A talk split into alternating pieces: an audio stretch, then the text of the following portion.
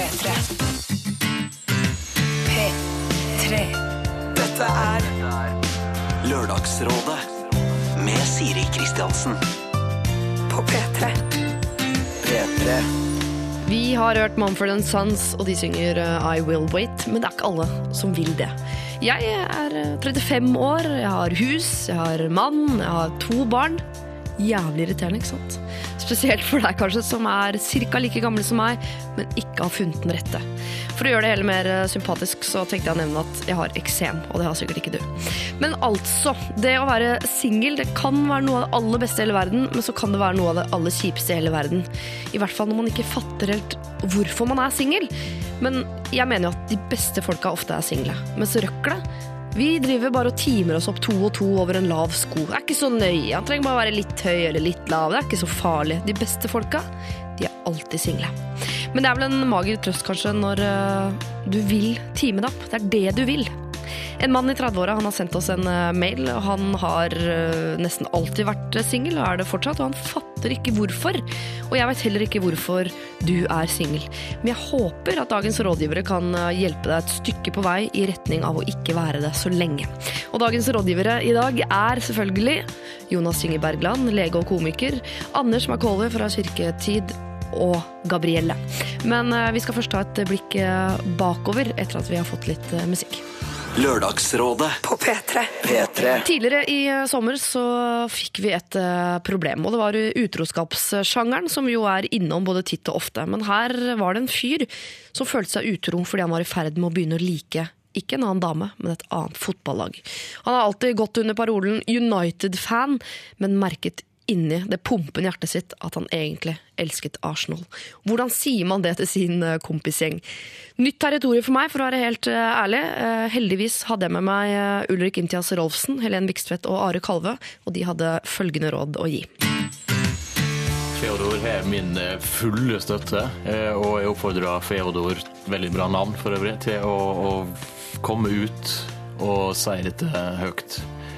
Det er, er noe barnslig eh, guttmann-dill, dette her med at du ikke til å skifte fotballag. skjønner virkelig ikke så innmari mye av det. Nei. Så jeg skjønner, jeg skjønner ikke helt ordentlig at det er uh, At det er så farlig å si fra da, at man liker noen andre. Eh, men jeg skjønner, jeg skjønner at det er sånn, men jeg bare greier ikke helt sånn å kjenne på den følelsen. Vær ærlig, stå fram, vær stolt ta å være en vinglete supporter som holder med forskjellige lag, eh, og spesielt artig at det ikke er de beste. Begynn å snakke om at du liker god fotball, og sett pris på gode ting hos andre lag. Gode pasninger, gode finter. Liksom, gi deg inn i det. så, Åh, det var bra. Og fordi at de andre er også enig i at det var veldig bra gjort. Skulle Ja. ønske at han spilte på laget ditt. Så, så kan man liksom bli, bli en litt sånn mer sånn en fotballelsker. Og så kan man sakte, men sikkert liksom empatisere med, eller sympatisere med, med Arsenal da, etter hvert. Dette er Lørdagsrådet på P3. P3. Det var rådene han eh, fikk, og tydeligvis er han fornøyd, for han har sendt oss en mail der han eh, skriver Takk for svar! Ulrik må jeg si satte spikeren på hodet. Det er å bare si at man liker god fotball fungerte ypperlig. Har allerede planen klar, jeg skal begynne å se Arsenal-kamper og ta det derfra. Og det er eh, hyggelig, altså. Ta i bruk de rådene for å se om det funker. Og si fra til oss, da. Hvis det ikke funker også. Det er mailadressen vår eh, lralfakrøll.nrk.no. Men eh, nå, dette her er Avon Nation og deres eh, Sail. Dette er Lørdagsrådet På P3. P3. Wolf Alice var det med Bross, og før det Avon Nation og deres Sail. Og rådgiverne har tatt plass i løpet av disse minuttene. Det var en helt rykende fersk rådgiver. Radioprogramleder, wannabe MC-badass med egen scooter. eh, Anders Macaulay Culkin, Ja, hei som jeg har hørte om å kalle deg. Eh, ja, folk har kalt meg for uh, Macaulay Culkin før. Ja. Eh, men då, det var den tiden jeg var mye hjemme alene. Fy fader. Du er også standup-komiker, kan vi jo legge til uh, i kjølvannet av det der. Og si at uh, vi har med en erfaren rådgiver også, som også er uh, komiker, men også lege. Jonas Bergland. Ja, stemmer det. God morgen. Eh, god morgen. Lenge siden sist. I like måte. Eller, ja. Naturlig nok. Med andre ord, eh, to komikere her, men husk at dette er et, eh, et program som tar problemer på alvor. Vi kan være profesjonelle. Ja. Ja. Men så har vi også med oss en annen erfaren rådgiver etter hvert. Artist og bergenser. eh, Gabrielle. Ja. Ja. Er det en egen egenskap å være Det bergenser? er at det, Ja. sånn er det. det. Jeg treffer Hver gang jeg er ute på spillejobber forskjellige steder i Norge, så er det sånn eh, Ja, og det er jo så typisk bergensk. Hvis jeg sier noe, så er det sånn Det er bergensk. Det virker som at, at bergensere har på en måte bare klort til seg alle personlighetstrekkene som finnes i universet, og, og det, alt er bergensk. da. Det må det som et kompliment, for det betyr jo bare at eh, Norge ser på Bergen som det eneste ved siden av Oslo som på en måte er noe eget. Og resten er bare en masse. Ja, det er kanskje sant. Men Men du introduserte jo ikke Anders som bergenser. Jeg var usikker, Er du fra Indre Bergen, eller er- snakker vi Arna? Er Eller fra hvor er Arna? Det er fra Arna, Ja, 15, 15 minutter utenfor Bergen. Men nå føler jeg meg som den gangen når jeg var på senkveld, og så var jeg bare sammen med sånne morsomme damer fra torsdagskveld fra Nydalen. For det er sånn komikere, så skal de være morsomme nå Mm. i de neste timene. Ja, Ja, men det kommer ikke til å være et problem. For meg og Jonas er ikke noe særlig vittig. Nei, OK. Gabrielle, er du som kommer til å be- komme best ut av disse tre timene? Jeg har bestemt meg at det skal være For jeg har vært med før, og så nå har jeg bestemt meg denne gangen skal jeg bare eh, ta vekk all sensur. For det har jeg angret på de siste gangene. Er det sant? Så jeg da gleder blir meg. jeg 100 Ja, det ærlig. blir gøy. Men det syns jeg alle skal gjøre. Ja, ja. Ja, gå for det. Ja. Jeg ser for meg alle dere tre jeg har en sånn type livsstil at jeg ser ikke for meg at dere har hatt ferie, f.eks. Er jeg inne på noe? Eh, Nei, jeg har hatt masse ferie. Eh, Fra alt? Altså fra alle jobbene dine? Fra alle jobbene mine. Fra langrenn, eh, tegning, maling, eh, standup og Ja, jeg måtte levere inn en, et skriv til eh, VG midt oppi der, men da bare lagde jeg to før jeg tok ferie. Så da, det gikk fint. Fy faen, det er juks. Hva skriv? Jeg skriver VG Helg, sånn Ja. spalte. Mm. Ganske okay. bra greier, altså. Det høres veldig spesielt ut, siden du kan bare skrible det ned fem minutter før du drar på ferie, og slenge det inn. Men du som driver med så mye gøy, har du vært eh, La meg gjette, har vært i New York da, eller? På Du, jeg har vært uh, i eh, Østens New York. Hongkong har jeg vært i. Nei, har du det, eller? Ja, ja. Fire Hvorfor? dager, og så dro jeg videre til Borneo for å dykke og gå på fjelltur og sykkeltur i jungelen. liksom. Var du på Sipadan? Ja, på Sopiadan. Har du vært der? Har du vært på Sipadan? Sipadan var jeg på.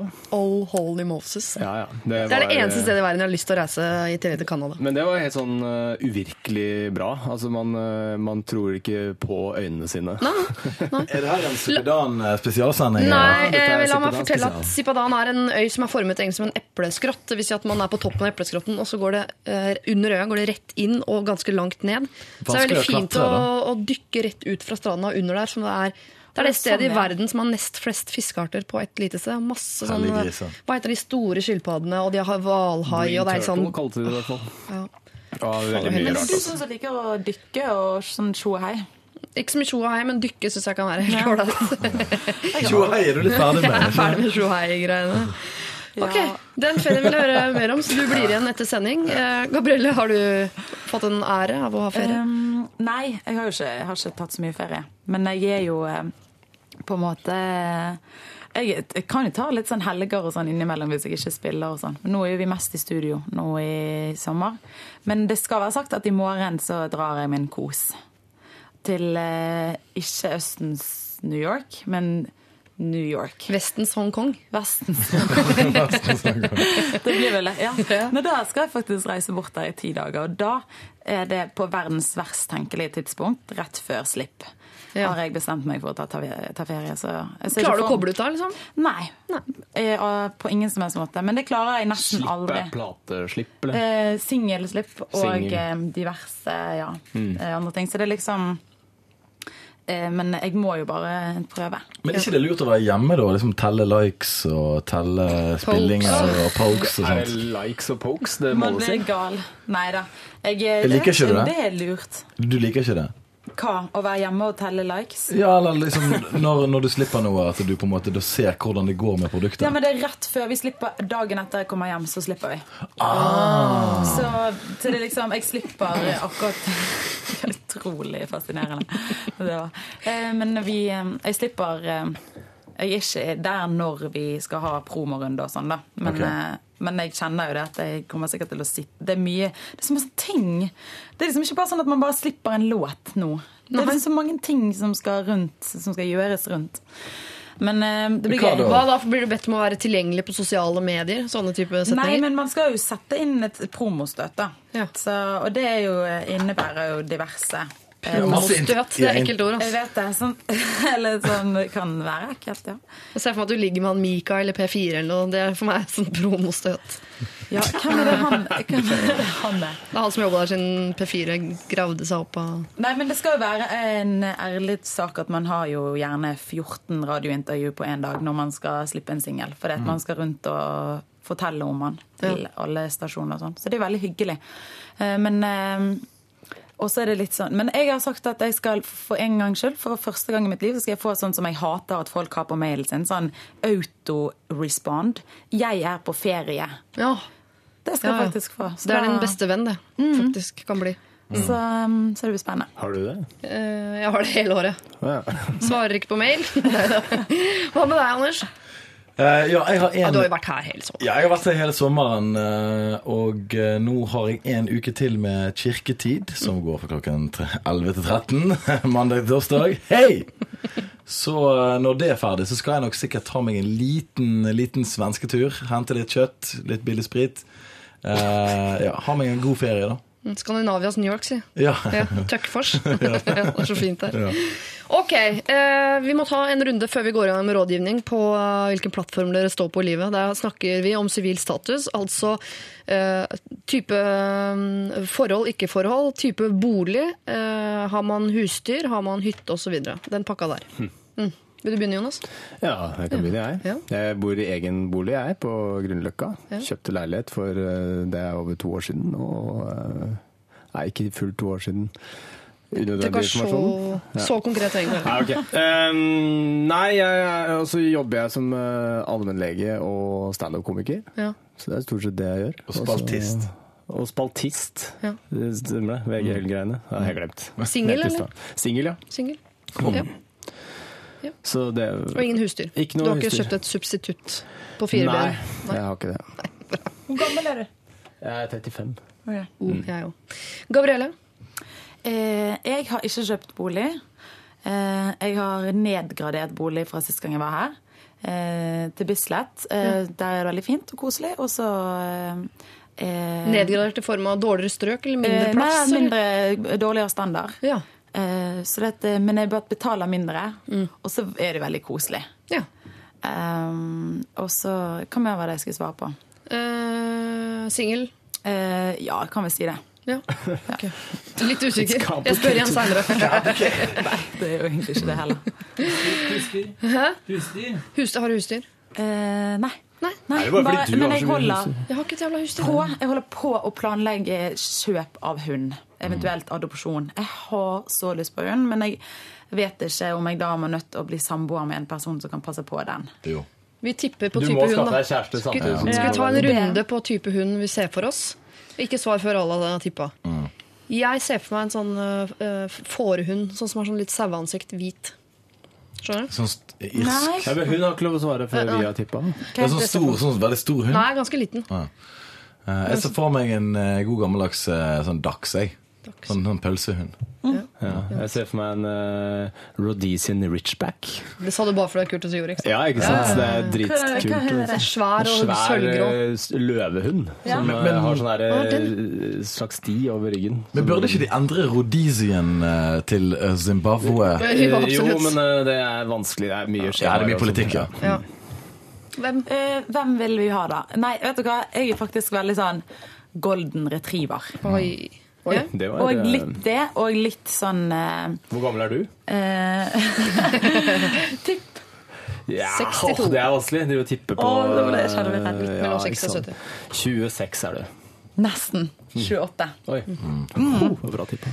Men uh, Anders, vi har ikke tatt deg og din sivile status, selv om det er jo noe du snakker mye om på radio. Jeg har ikke lyst til å det er snakke om det. Nei. Det har du. Er du fortsatt singel siden i går? Siden, siden alltid? Ja. Jeg er fortsatt singel, og ja, det er jeg.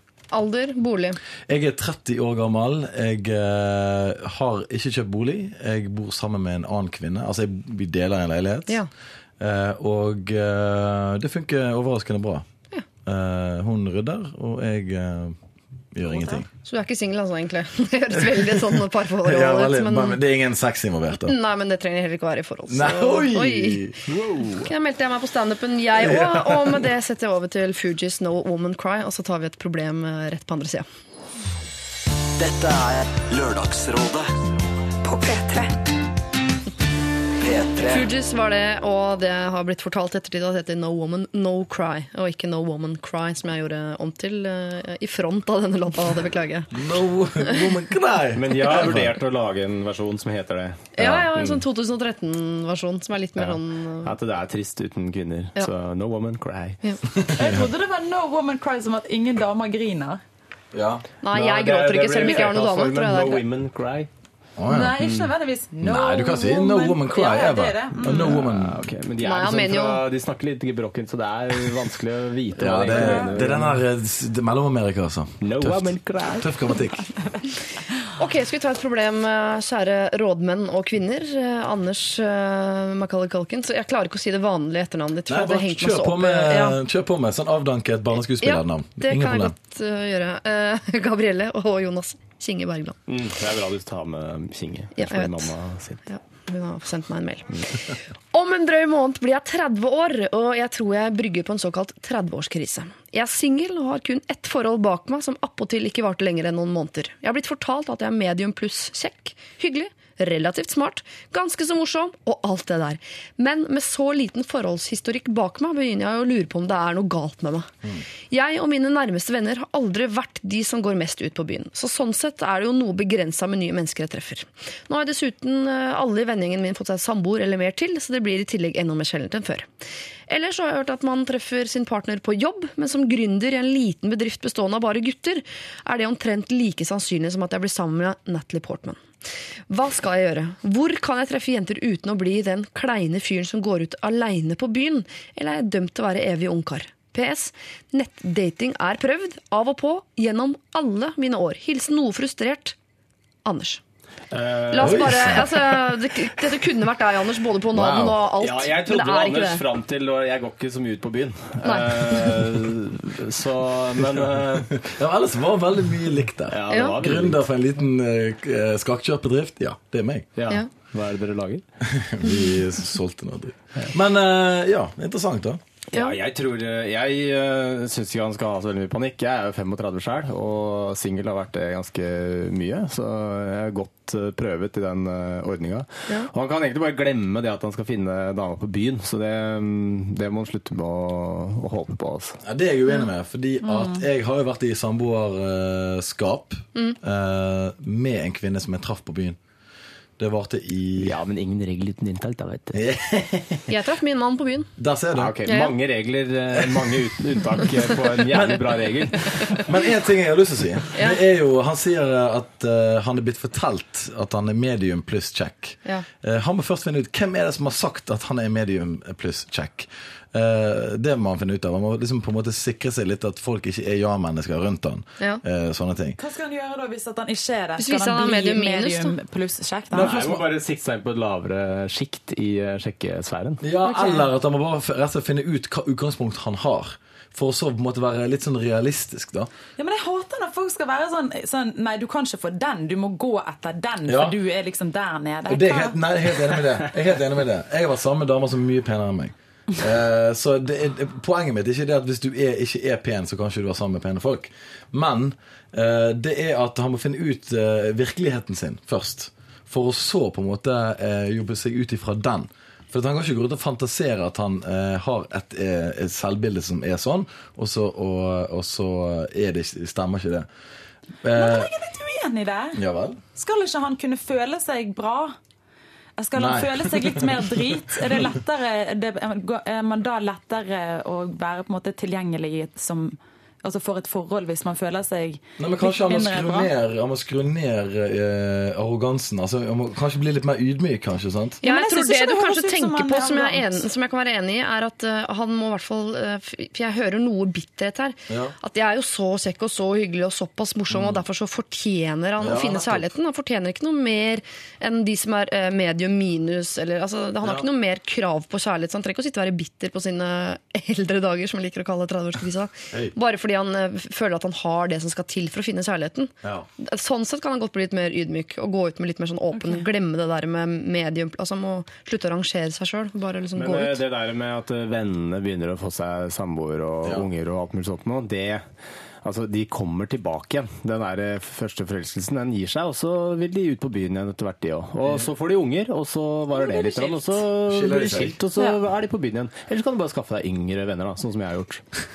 Ja, for Blir du ikke noe som helst desperat eh, Jonas, av at du ser at alle venner forsvinner ut i sånn, drar til Danmark på familieferie? Og så selvfølgelig er det noen som kommer tilbake, men at, eh, blir du ikke stressa av det? At plutselig de Nei, bare har du hørt om DVD? Jeg ser på serier og sånne ting. Ja. Kos meg fint med det. Så- Ja. Og så reiser jo du til litt sånn eh, til Østen Kong, og finner damer der, eller er det litt sånn Ja, ja, at du mener at det Det er jo ikke en sånn, spøk. sånn Du mener at jeg drar til Østen for å finne damer? Nei, men det var et spørsmål. Oh, ja. Nei. nei Følte du det veldig truffet? Eh, nei, jeg syns det var et artig forslag. Nei, eh, det er kan, med gå, ferie, ja. jeg kan gå god for at Jonas ikke hadde sex når han var på tur i Borneo. For at jeg spurte om det var noen damer der borte, og så sa han nei, ingenting. To uker, tørke. Men eh, det jeg vil si, da, det er jo at Da har eh, vi fått bekreftet det. Det vil jeg si, da. Det er at eh, denne fyren her, han, han trenger ikke være redd i det hele tatt. Altså det at han eh, begynner å på en måte bli litt nervøs fordi at alle andre rundt han har forhold og har det så bra. Jeg har veldig mange venner som er samboere. De har unger, de har kjøpt hus, de har kjøpt en bil, de har en hund. Golden Retriever, blant annet. Og eh, de er faktisk ikke noe særlig mer lykkelige enn andre folk. Eh, de tenker av og til 'hva faen er det jeg har gjort?' Eh, de tenker av og til eh, 'hvorfor valgte jeg denne personen?' De sitter plutselig igjen med en haug med regninger. Ja. Samvittighetsregninger. De får aldri se vennene sine. For eksempel. Mm. så det at du, du ikke, må ikke gå rundt og tro at du er lavere stilt enn andre mennesker. Du, at det at du har utsatt ting og tatt litt ting i, ditt tempo, det, det skal du ta, gi deg godt Han er klart. gründer i en liten bedrift. Ja, ja, ja, ja, ja, kanskje han uh, lite Kanskje han har lyst på kjæreste? Det, ja, det, men George Clooney, George Clooney har lyst på kjæreste òg, men altså, han tar sitt i eh, eget tempo. sant? Han Han er nettopp blitt kjempegammel. singel.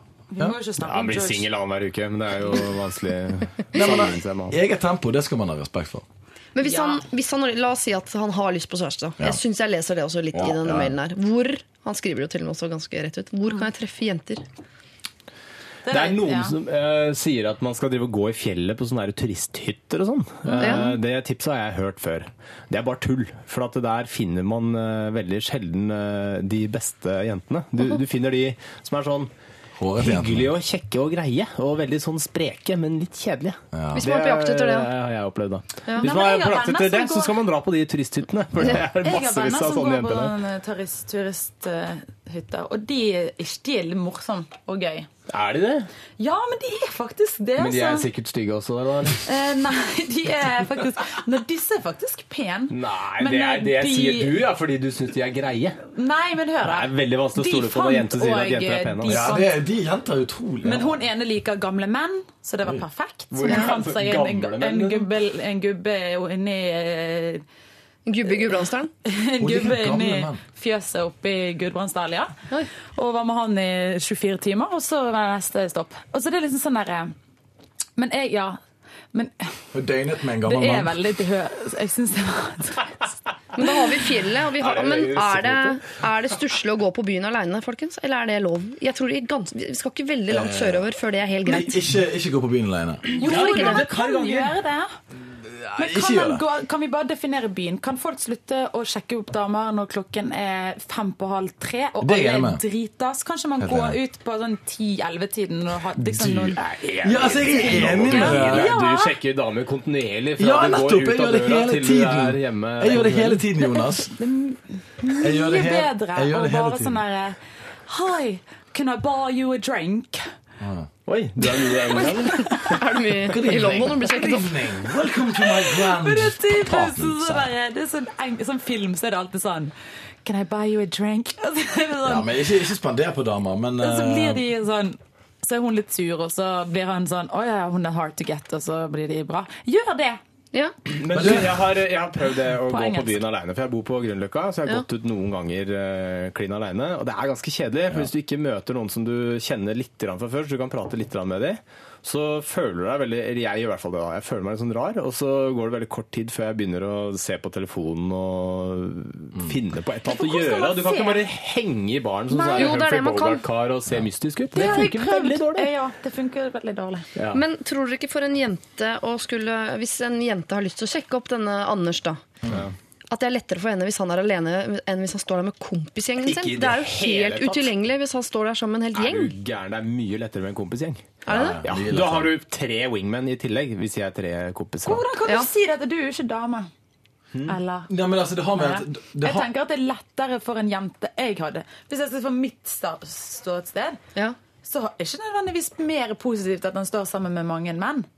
Nei, jeg syns det er lettere å gå bort til ja, én ja, gutt enn å stå bort til en gjeng så at jeg må ha vitner til at jeg Jeg prøver å vet sjekke opp noen. Hvis han sitter bare i baren, så er Ja, det men sånn det, «Å, Er kommer an på hva slags eh, start du begynner på. Men poenget er at hvis den samtalen går litt trått i starten, da, Ja. så er det veldig vanskelig å få den på glid. Enn hvis du har flere andre rundt, så har du plutselig flere samtalepartnere. Så er det alltid noen som kan hoppe inn og liksom dra dette i gang. Så har man plutselig noe å snakke om Det er litt flaut etterpå. å gå sånn bort er det til veldig en mye lettere. guttegjeng for å sjekke opp og hvis du er ute etter et forhold, så Kjempelett. Jeg bare går bort. Hei, jeg står alene. Gidder dere å prate med meg, så jeg ikke ser helt dårlig ut? Det er dritlett. ja. Som en jente. Ja. Som en jente så det er det alltid Det er lov. perfekt. Men hvis du er en gutt og går bort til jenter og sier hei, kan dere snakke med meg, jeg er litt alene, da tenker de sånn gud, hvor tragisk. Men det er for ja, meg damer tenker det. Ja, det Tro meg. Hva tenker du? For nå sier de at ja, det er kjempelett for jenter å gå bort til en gjeng. Nei, jeg har aldri gjort det. Er du gæren? Er du gæren? Men du har gjort det, det. Men det er fordi at du ikke har pratet med meg om det. Jeg øh, prøvde å gå bort til øh, han som jeg da etter åtte år klarte å få på kroken. Mm.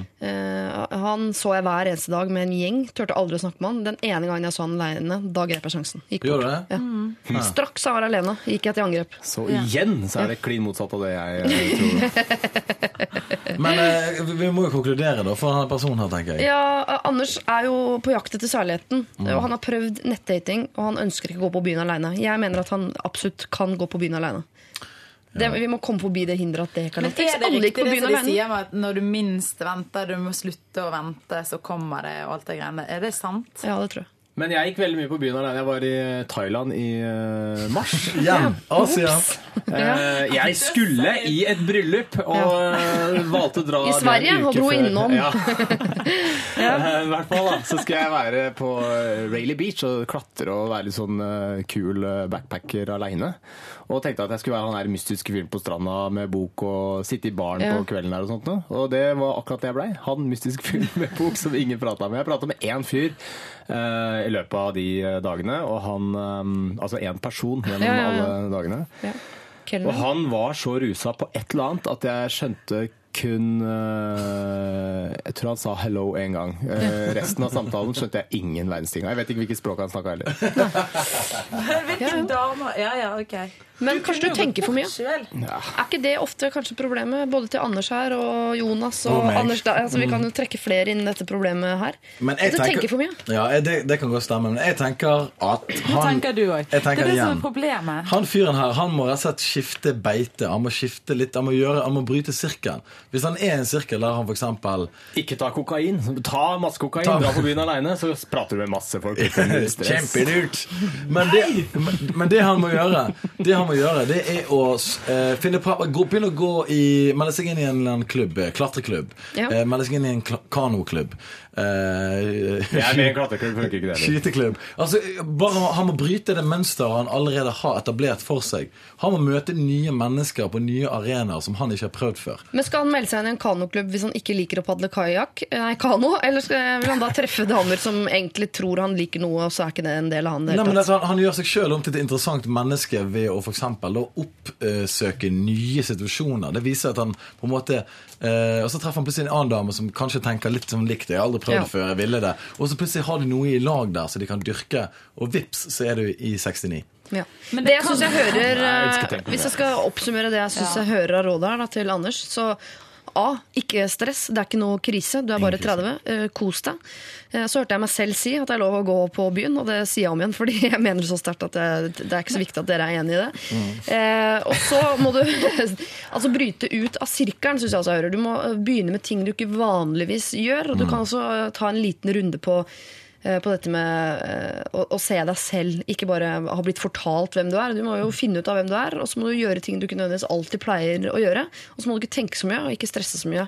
Og egentlig kose deg. Herregud, du er bare 30. Det er jo en kjempefin alder. Men jeg det? tenker at han kan være, det glemte jeg å si, det er veldig viktig.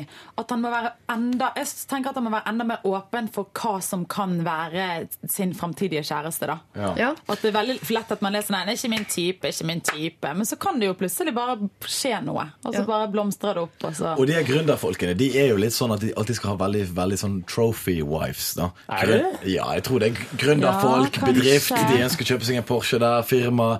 Vi ønsker liksom ha litt sånn fin fasade. Tenk hvis det er sånn lite miljøarbeiderfirma som eh, driver og redder verden. En vernet, vernet bedrift. Vernet bedrift. Ja, en liten Vernet gründer- gründerbedrift. Ja. Veldig få av de. Eh, lykke til, Anders. Eh, eh, vi unner deg kjærligheten, altså, men du trenger ikke å komme akkurat nå. Det er ikke så nøye. P3. Deilig å høre Daft Punk aleine av og til også. Eh, Her var de da med One More Time. Gabrielle ler. Koser du deg? Det er koselig, det. Jeg syns det er så gøy. Men hun ler veldig mye om morgenen. Har jeg hørt. Anders fra Kirketid og eh, Jonas Bergland, mannen med tusen hatter. Altså humorhatter og legehatter og kunst og ski og ja. Ja. Spal- Spaltet hatter. Spaltet Du er jo egentlig definisjon på drømmemann. Ja, jeg vet det. Han Det er ikke sant, det han er derfor det sikkert er er så frustrerende for han å være singel. Lege og humor. Har du sett The New Girl? Den serien? Nei. Fantastisk serie. Alle må se den. Ja. Ja, men Der er han mannen lege og eh, morsom og snill. Og Men, sånn. kan vi bare ta en kjapp ting om Jonas? Ja, at han er kjekk også. Han, er, han er pen. Han er flink å tegne. Han kan spille gitar. Han er flink standup-komiker. Han er lege, som sagt. Han klatrer. Han er sporty. Han har ganske eh, fin kropp. eh, veldig tynn, altså sånn veldig fit. Eh, Nå er det sånn det at er jeg syns ikke er kleint. ja, Så det- det er så ikke det sånn på- som er positivt nødvendigvis for alle. fin kropp. Ja, når det blir sånn supersporty og Ja, men, her, ekstremt ja, men liksom, deilig. det, er et eller annet, det er et eller annet i veien med han. Det må være noe gale med Ja, han. men det er det for som det, det, er trekker for ned. bra. Det er for bra. Det er for bra. Det er et eller annet eh, der som vi ikke vet om. Så det kommer ut. Og det er én ting vi nei, ikke vet om Jonas. Vil du komme til meg på kokt katt?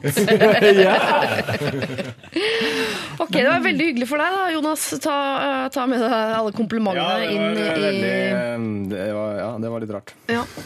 Vi skal sette fokus over på noe som ikke handler om, eh, om eh, kjærlighet, eh, faktisk. Eller en viss form for kjærlighet her, da. Men, Men den familiære varianten. Nei da, overhodet ikke. Kjære Lørdagsrådet. Min tenåringssøster Malin stjeler. Ikke fra butikker eller banker, men fra familien. Hun har stjålet over 20 000 kroner i løpet av det siste halvåret. Både fra oss søsknene, besteforeldre og foreldre, og hun slutter ikke. Hun har klassiske tenåringsproblemer. Føler seg ikke tilpass med seg selv og skole osv. Men ellers er det ikke noe galt med henne. Og selv om vi er en moderne skilsmissefamilie med mange forskjellige x-er og y-er, så er vi ganske velfungerende, og alle syns det er sårende at Malin oppfører seg sånn. Hun skal få hjelp av sosiallærer på skolen til høsten, og det er bra, for vi vil jo at, i tillegg til å slutte å stjele, at hun skal ha det godt med seg sjøl. Men jeg blir allikevel ikke kvitt følelsen av at jeg har lyst til å straffe henne. Jeg syns at en person som har tatt såpass med penger, må stå til ansvar for det. Kan jeg straffe? Og i så fall hvordan? Jeg ser jo ikke for meg eh, fysisk avstraffelse, bare så det er sagt. Jeg er ikke gæren. Jeg bare orker ikke å være forståelsesfull hele tiden og alltid skulle se ting fra hennes side. Noe må skje. Med vennlig hilsen god bror. Men virker det som at alle vet at hun stjeler? Ja, alle vet at hun stjeler. Hun også vet at hun er busta. Hele familien liksom er eh, enige om at Malin stjeler. Også Malin. Men hun har stjålet 20 000 kroner sånn, sånn jevnt utover hele familien. Eh, så det er ikke så mye da, fra, per, per hode. Per hode. Men Jeg tipper det har gått hardest utover de som har mest. da, Besteforeldre og foreldre og sånn. Ja, så kanskje 4000-5000 da, på de som har fått uh, Men det er ikke summen som er problemet her. Problemet er jo at hun faktisk uh, har ingen respekt for uh, folk rundt seg. da. At det, dette her er jo en, dette her er en vigilante. Altså, dette er jo en, dette er en, en, en litt sprø person. Jeg syns det høres veldig rart ut at, at de er sånn Å, vi vil jo bare at hun skal ha det bra, snille Malin, eller hva det var hun het. At hun skal liksom Å, det er bare så viktig at hun har det fint, og så veldig fint. Og så går hun rundt og stjeler penger fra folk som er glad i henne hele tiden. Ja. Men Jeg syns at skal, noen må ta tak i henne. Altså, du syns kanskje... at bror her skal straffe? Nei, jeg syns de må finne en måte å ta tak i problemet og, og ta tak i hun. Sånn at hun forstår alvoret i dette. For det går ikke an å gå gjennom livet på den måten der. Er ikke det standard eh, altså, Nå er vel den eneste her med småunger, men er ikke det standard altså, Hvis du gjør noe gærent, så skal det få konsekvenser. Hvor gammel, ja, men hvor gammel er hun? Står det? Nei, tenåring. Men det er tydeligvis at det ikke går an å kjefte. da. Det er Nei. sikkert noen som har sagt sånn eh, Du, ikke gidd å stjele. Eh, Ja. Men eh, jeg tror at man skal bruke en slags sånn mobbekultur. Altså omfavne mobbekulturen, for det funker veldig bra. Så hvis alle begynner å mobbe henne for stjeling Altså at du liksom sånn All humor i familien går ut på sånn derre Hvor er ja, nå Nei, Hun har sikkert stjålet det. Og så legger du fram liksom ting og sånn Ja, må jo ikke ta det, nå går jeg på do og sånt. Ja. Altså du bare sånn tyner på den der stjelegreia hele tida, så hun blir veldig sånn derre trykket ned og, og river vekk eh, selvtillit. Det er ikke Ja. sikkert hun har så god selvtillit, men eh, Det, kanskje hun har hun har litt klassiske igjen. da. tenåringsproblemer, føler seg ikke tilpass med seg selv osv. Ja, ja, ja. Men eh, herregud, det har jo alle. Sånn er det å være tenåring. Ja, du må ikke stjele hjemme for det, liksom. Nei. Nei, altså, Da kan man mobbe. Det jeg tenker her, er at uh, Jeg tenker alltid når jeg hører sånne ting Hvor er foreldrene, tenker jeg. Ja. Eh, jeg tenker at dette, den, Jeg vil på jobb, da.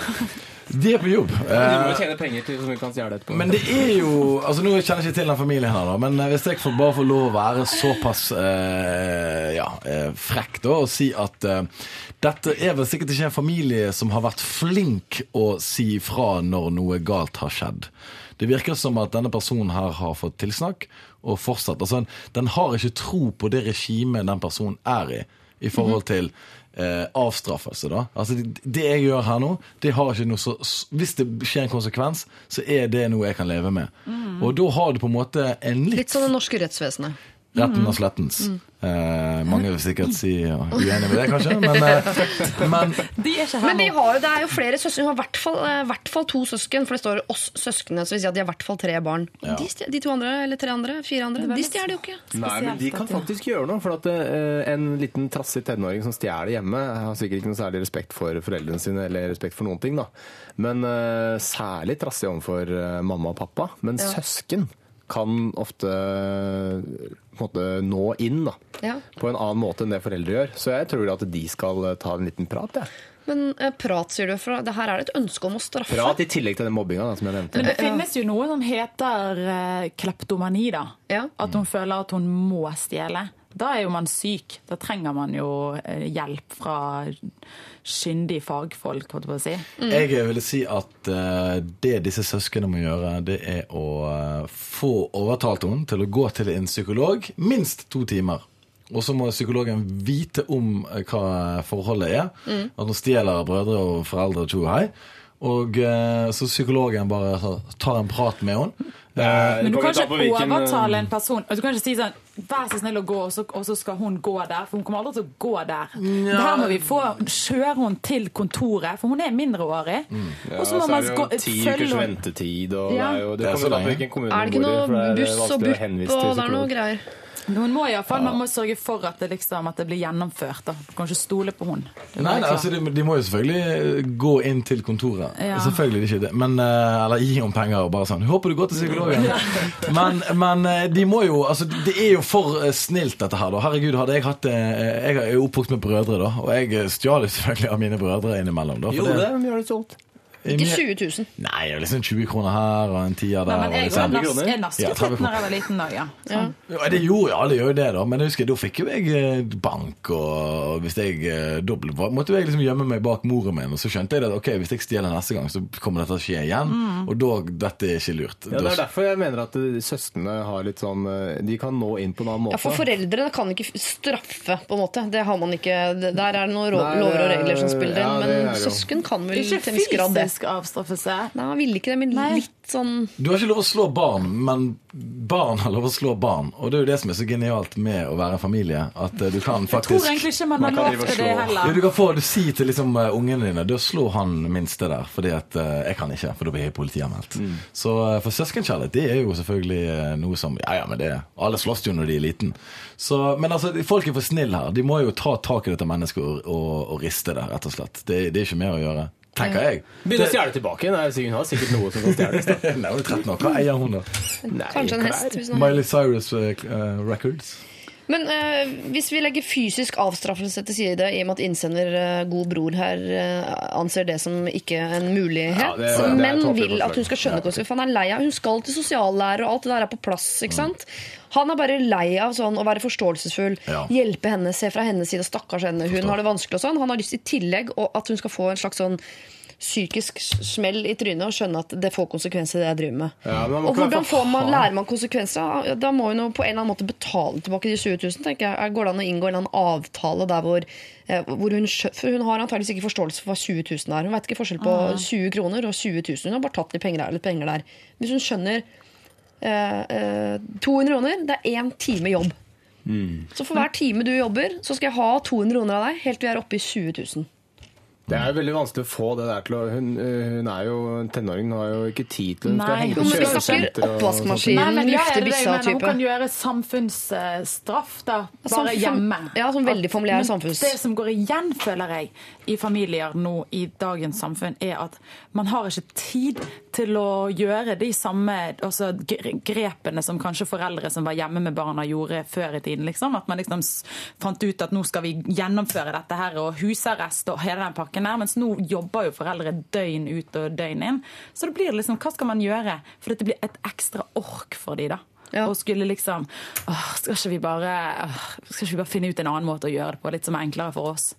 Altså, Men jeg tenker, hva er, for, hva er det for en familie som har kontanter liggende rundt? Og har ikke alle kort i dag, da? Visakort og sånne ting? Hvem som driver og har kontanter? Stjeler kon visakort da. vet du. Det det skal sies, ja, det er, altså, Mailen var lengre enn dette. Ja, Det er akkurat det hun har. Hun har stjålet altså, koder, ja. stjålet koder og sånn, Okay, så og bestilt ting på nett til seg selv. Da. Ja, ok, det, Dette er jo kriminelt, da. Ja, absolutt. Eh, Kjempekriminelt. Ja, så det det er jo på en måte er jo faktisk grunnlag for politianmeldelse, faktisk.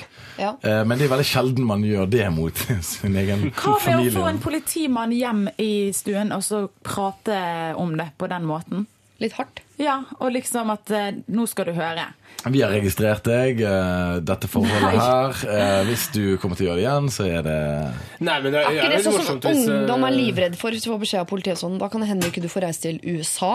Er ikke det sånn? Nei, men du får hvis, ta lappen? hvis, hvis hele familien later som om hele familien har gått på grunnene fordi hun har stjålet så mye, så de må leve sånn veldig asketisk Men øh, sannheten vil komme fram i lyset. Man God stund, da. Hun spiser bare ris og sånne ting. Og så, så hun liksom får føle på kroppen hvordan det er å faktisk eh, ha det litt kjipt. Jeg tipper faren må på julaften kle seg ut som en politimann. Eh, komme inn og si at alle får pakke utenom du fordi at du har stjålet. Og, Med sånn politimannmaske. ja. Og pappa kler seg som politi, kjefter på søstera, stripper for mor. Ja, ja. Hvorfor Så på en kysser måte- mamma på politimannen? Det er beste julaften vi har hatt. Ah, men altså, hva svarer vi til eh, bror da, som har lyst til å, å straffe? Ja. Har han liksom vår eh, godkjennelse på at en viss form for straff eh, er liksom ok? Det Ja, ja, ja, syns vi han kan få lov til. Men ikke, ikke min, ikke min godkjennelse på det. Nei. Jeg synes at man, man skal straffe, da, da skal det være 100% gjennomført, og det skal være pang, og så skal det eh, sette en støkk i henne, men da kan ikke han gjøre det. Da må man, hele familien gå sammen, og så må de bli enige om hvordan de skal gjøre det. Det høres ut som ungen er litt sånn attpåklatt, kanskje. Eller at, liksom at ungen er sist i rekken. Var det det? Stemmer det? Lille, lille, minst, liksom. Og den minste er jo liksom sånn her at ah, liksom, ja, ja, den er minst, så kan vi få lov å gjøre Sikkert ikke fått noe oppmerksomhet da, opp igjennom. Ja, skal det er kanskje noe der, sant? Får det nå, i hvert fall. Ja, Nå får det. Ja, nå får hun det. Så dette her er jo på en måte Her må rett og slett eh, familien må inn og bare fortelle dette mennesket at dette kan ikke du gjøre, dette, dette funker ikke. Og hvis du fortsetter å gjøre dette her, så ryker dette.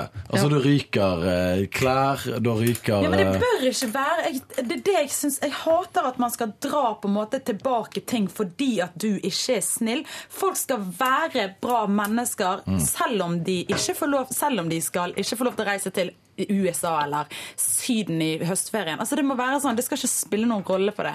Men jeg vet at det hadde vært en perfekt verden. Ja, den fins jo ikke. Nei. Men uh... Det er noen som får det til, har jeg hørt rykter om. Men det er Vi har hatt det sånn i min eh, oppvekst. Det har, det har ikke vært noe sånn 'du får ikke den hvis at du gjør sånn'. Det, har- for, hos meg har det vært uh, har, bud? hard, hard linje, og jeg er veldig glad for det. ja. Så Vi blir ikke helt enige her, hører jeg, men det som er felles, var, eh, er, kjære gode bror, at dette må få konsekvenser for søsteren din på en eller annen måte. Det holder ikke bare at hun har fått beskjed en eller annen gang, at hun selvfølgelig skal få hjelp for å få det bra om seg selv, og sånn, men det at hun har stjålet 20 000 kroner av dere, er respektløst, det er vi helt enige i, og det må på en eller annen måte få konsekvenser. Og akkurat hvilke konsekvenser det skal få, Da får du plukke og mikse litt og sette sammen og trikse litt ut fra de Jeg tror vi er oppe i en 25-30 forskjellige forslag på hvordan, hvordan søsteren din skal på en måte få kjenne konsekvensene av eh, dette her. Eh, Vi går passende nok videre til eh, Miley Cyrus. We Can't Stop. Lørdagsrådet med Siri Kristiansen. På P3. P3. Two Chains sammen med Wiz Khalifa, We Own It, og før det Watch Out for This med en hel haug med folk. Vi skal hjelpe en gutt på 18 år som kaller seg selv Usikker eh, 18. Og med vi så mener jeg da selvfølgelig Gabrielle, som er den eneste som har gleden av å ikke trenge et etternavn her i dag. Eh, Jonas Kinge Bergland, eh, to. Mm. eh, Anders Macauley. Kalken. Men du har et eh, etternavn til, har du ikke det? Eh, jeg heter, masse rare greier? jo, jeg heter Anders Sandvik Macauley. Vet jeg. Macauley, ja. Hva er det jeg sier? Du har aner. Hæ? Hvor er det du? Irsk. Jeg er halvt irsk. Det ser jeg faktisk. når du Faren min kom Jau. eh, Ser du flytende at på en singlet? Nå fikk jeg et helt annet lys på deg. Hva da? Nei, ikke det litt sånn der eh, Jo, det Irish, da? Ja, ja, det er derfor jeg drikker hver, eh, hver torsdag og fredag og lørdag. Ok, men Da skal vi hjelpe da, denne usikre 18 år gamle gutten. Hei, skriver han. Jeg har et lite problem jeg håper dere kan hjelpe meg med å lese, løse. Det har seg nemlig slik at min bestevenn har kjæreste. Hun er veldig søt jente og er veldig glad i min bestevenn, virker det som. Grunnen til at jeg skriver inn til dere er fordi jeg det siste har fått høre mye dårlig av henne fra en god jentevenn. Har fått høre at hun har vært utro, og at hun presenterer vennen min på en dårlig måte for venninnene sine. Eksempel kan hun si 'jeg har fått meg kjæreste', han er ikke så kjekk, da. Burde jeg fortelle dette til bestevennen min? Det hun har gjort er jo ikke bra. Han har også sagt til meg at dersom hun er utro noen gang, så vil han gjøre det slutt. På den annen side så kan jo bestevennen min bli svært lei seg og kanskje pådra seg en form for sorg.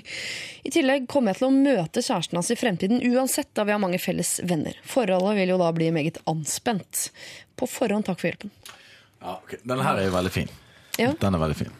Altså, det her kan jo løses gjennom én ting, og det er gjennom dialog.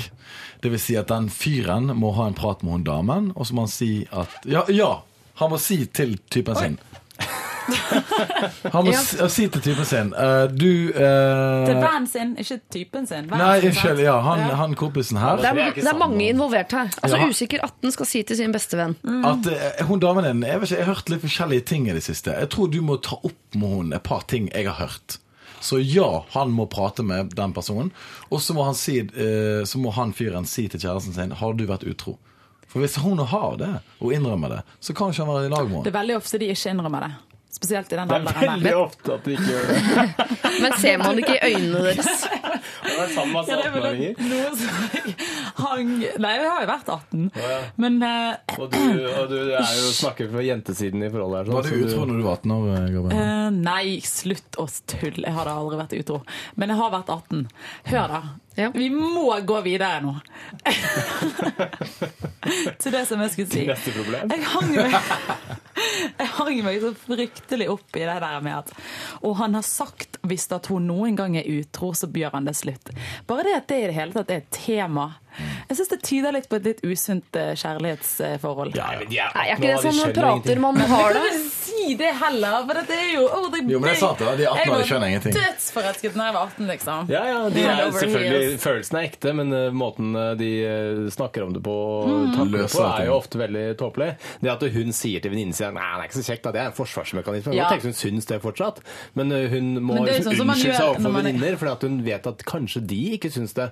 Så hun må si sånne ting for Sant. å føle seg godtatt i en venninne. Altså, han trenger ikke å ta sånne ting så seriøst. Nei, det trenger han ikke. Men hvis hun ligger med andre gutter i 18 år, de er bare barn, og, og så gjør de sånne ting. De er ikke barn, de er Jo, det 18 er år. folk har sex når de er 12-13-14 år! Jeg kødder ikke med deg! Jeg kødder ikke med deg! Men dere ikke snakk om det som om det var barn. Han er 18 år gammel. det er greit at de er 18 år, de kan stemme og de kan uh, Ja, bil. Kjøre bil, kjøpe øl, røyk. De har stilt til valg. Men um, det, er, øh, det er ikke så nøye akkurat det at hun uh, baksnakker typen sin litt. Nei, det driver man med i alle Det gjør aldre. man jo Det driver vi alltid. med. Herregud. Ja, det gjør, det gjør jo vi i Jeg voksen føler at alder man må gjøre det, hvis ikke så Du må ventilere litt. Da, Men du kan alltid pirke på noe, da. Men altså, po poenget her er jo at eh, jeg tenker jo altså, Hvor god venn er du med denne personen, da? Altså, Jeg kunne faktisk vært en såpass eh, kamerat at jeg kunne gått til en kjæreste av en kompis som meg. Der det liksom det var litt fram og tilbake. Sånn. Bare sånn.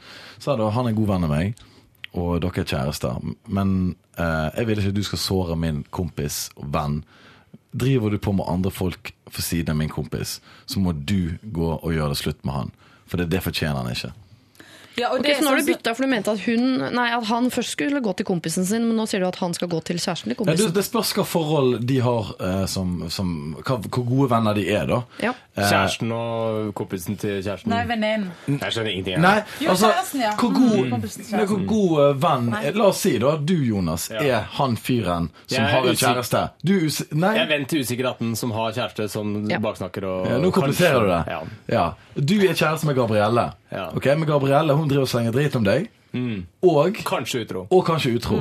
Og meg og deg er kjempegode venner. Vi reiste til Borneo i Men du er en usikker 18-åring. Mm, ja, jeg kan være usikker. Ja, for det er det du er nå. Ja, ok, jeg er usikker. Uh, og da sier jeg til Gabrielle da er du utro mot Jonas, så må du slå opp og gå fra han, for det, da, det fortjener han ikke. Jeg vil ikke at min kompis eh, Jonas skal bli såret. Eh, Vi har aldri hatt den samtalen her før. Dette har ikke skjedd. Så gjør noe med det. Enten er du en skikkelig kjæreste, eller så går du fra han. Du vet hvor- hvordan han er. Han tør ikke si det her til deg, så jeg må gjøre det, for jeg er kompis. Det- Men da må du ta med i beregningen her at uh, kjæresten, denne jenta, er en del av uh, vennegjengen. De har mange felles venner, så Mm. dette er et menneske du skal må omgås i fremtiden, også etter denne samtalen. Ja, Og det Uansett som utfallet. var poenget ditt, var at eh, hvis du har et godt forhold til Gabrielle, at dere kjenner hverandre godt Ja. fra før, så kan du ta det direkte med henne. Men hvis ikke. Kjenner hverandre så godt fra før, du som da usikker 18-åring, så tar du det direkte med meg. Og så stiller du spørsmålet sånn Du, hvor godt kjenner du hun eh, Gabrielle egentlig? Og så må jeg stille spørsmål videre til Gabrielle. Ja, Du kan gjøre det den måten, eller han kan gå Det spørs hva Jeg hvor vil ikke være hun. Jo, du Kan jeg få være, kan jeg få være meg nå? ja, men du er jo skuespiller i videoer og sånt, da. Men hvis vi prøver å se det fra altså Det er usikker 18 som sender inn problemet, for så vidt. Men hvis vi prøver å tenke på den det er synd på oppi her, er jo han som har en kjæreste som antakeligvis går rundt og eh, slenger dritt til mann. Det er greit nok, men som kanskje er utro. Så er han det er synd på. Hvordan er det best for han å få overlevert denne beskjeden om at det kanskje dama di er utro? Er det fra kjæresten, eller fra vennen, eller ikke i det hele tatt? Alltid fra vennen. Ja, jeg ville, jeg ville vært eh, kompis, uh, usikker 18-åring, og så ville jeg gått til kompisen min og sagt at uh, ja, jeg, jeg, jeg har hørt ting. Jeg hører, jeg hører noe Ja, greier. og bare sånn, jeg, sier det til deg, og uh, nå vil jeg at du skal på en måte bare vite det, og så kan du gjøre hva du vil med det. Bare sånn. Ja. For da, hvis det viser seg at det ikke er noe sannhet i disse ryktene, så er det ikke noe eh, risiko for at da denne kjæresten kan bli sint på vennen sin, som i det hele tatt har sådd tvil der det ikke Eh, var jo. noe gærent. Det er det jo selvfølgelig, så man må være temmelig sikker på at eh, de ryktene holder vann. Ja. Han må Før man sjekke- eventuelt gjør noe med det. Det her må, Han må sjekke kildene sine en gang til. Ja, ja. sjekke kildene. Og så må han gå til kompisen sin og så må han si det at du, eh, hun er damen din tror jeg du må ha en prat med. Eh, og fordi at jeg har hørt det og det og det. Ikke bruk meg som navn. Dette har du funnet ut av sjøl. Og hvis han da konfronterer damen sin med å liksom, stemme det, du sier det om meg, og at du er utro, eh, da viser han enorm eh, selvtillit og styrke òg, at han tør å ta det opp som tema Ja. framfor damen sin. Da kan det være at hun endrer synet sitt på han, at han på en måte blir mer vakker for at han endelig er en mann som tar Tar initiativ. Ja, men dette er kjempeklissete sak, egentlig. For dette lukter lang vei av sånne der sladrekjerringer. Hvor er det han har fått vite om dette her, at hun For at han har jo Hun venninnen har snakket med sine venninner og liksom sånn Ja, ja, han er ikke så pen, og, bla, bla, bla. og så er det en eller annen liten tøs som går sånn Og liksom går ut videre, og ja, hun sier om han, at han sier om det. Kanskje vi bare får det til å snakke sammen liksom, i, Nei, innenfor sånn husets fyr. Ja, det, det, det er det som irriterer meg. Det er fremdeles mennesker som er 28 som holder på sånn. Jeg bare ja, synes at man, man må skal slutte med det når man er 20. Man trapper det opp i 30-årsalderen, faktisk. Men rykter er iallfall det verste som kan skje når man er i den alderen, og når man er på en måte vokser opp, da. Ja. Det er så bad. Så bare Ja, Det jeg, usikker. det var sidespor, men uansett. Usikker 18, du har fått muligheten til å stoppe den rykteflommen, som jeg er helt enig i at det er litt sånn, som alltid er der, men som er litt sånn dårlig greie. Så du kan jo, ut fra hvor godt du kjenner dama til kompisen din, så kan du enten gå til henne eller gå til han. Ikke kom med masse beskyldninger, men legg fram hva du har hørt, og så er det opp til da dette kjæresteparet. Det er jo tross alt de det egentlig gjelder, så er det litt opp til de å finne ut av hva som er sant og hva som ikke er sant. Men da er du faktisk nødt til å måte, risikere at kompisen din kan bli litt sur på deg, eller at dama til kompisen kan bli litt sur på deg. Men hvis du er en god venn, så må du rett og slett ta den sjansen og tåle å stå i det i de øyeblikkene du muligens ikke blir så godt likt. Men det går over. Det går over greiene der. Send inn problemer til oss. Bruk da mailadressen vår, som er lralfakrøll.nrk.no. P3. Lykkelig var det og hennes I Follow Rivers. I Lørdagsrådet i dag her på P3 så sitter vi to jenter og to gutter. Eh, jenta i tillegg til meg selv er eh, Gabrielle. Er etternavnet ditt hemmelig, eller kan man få vite det? Nei, herregud. Det, vi har jo Så at jeg ikke har googla det.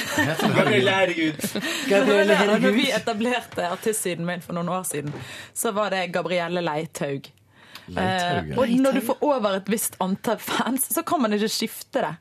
Så jeg tror det er veldig mange, altså skifte navnet på gruppen. Så jeg tror det er veldig mange som allerede vet at jeg heter Leithaug. Ja, det høres, Når du sier det, så har jeg liksom vært innom det. Hadde du en gruppe som het Gabrielle Leithaug? Eh, ja, det var vel først en gruppe, men så kom denne sidegreien, så da kunne man gjøre det om til side. da. Hva, Du snakker om Facebook? Ja, eh, og jeg trodde du snakket om band. Ikke popgruppen, da. Nei, nei, vi kaller oss ikke for Gabrielle Leithaug og co. Eh, oppfølgingsspørsmålmannen er eh, Jonas Inge Bergland, mm. blant annet legokomiker. Og så er du her også Anders Macauley, Ja, stemmer eh, det. direkte fra Nord-Irland. Eh, vi skal ta et eh, problem eh, som er ganske sånn eh, eh, Altså det er et problem som oppstår nå, eh, i aller høyeste grad rett rundt hjørnet. Hallo! I midten av august skal jeg ha barn.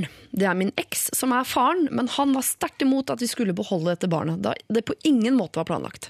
Egentlig er jeg veldig enig i at ikke det passer, men det ligger ikke i min natur å ta abort, og dessuten er jeg nå åtte måneder på vei, så det er jo ikke tema lenger. Vi bor i forskjellige land. Jeg bor i Oslo, han bor i London. Han er altså engelsk. Vi snakket om flytting, men det var alltid et lite stykke fram i tid da jeg studerte her i Norge. Han er i full jobb og tjener egentlig ganske greit der borte. Han ga meg et ganske slemt ultimatum. eh, ultimatum.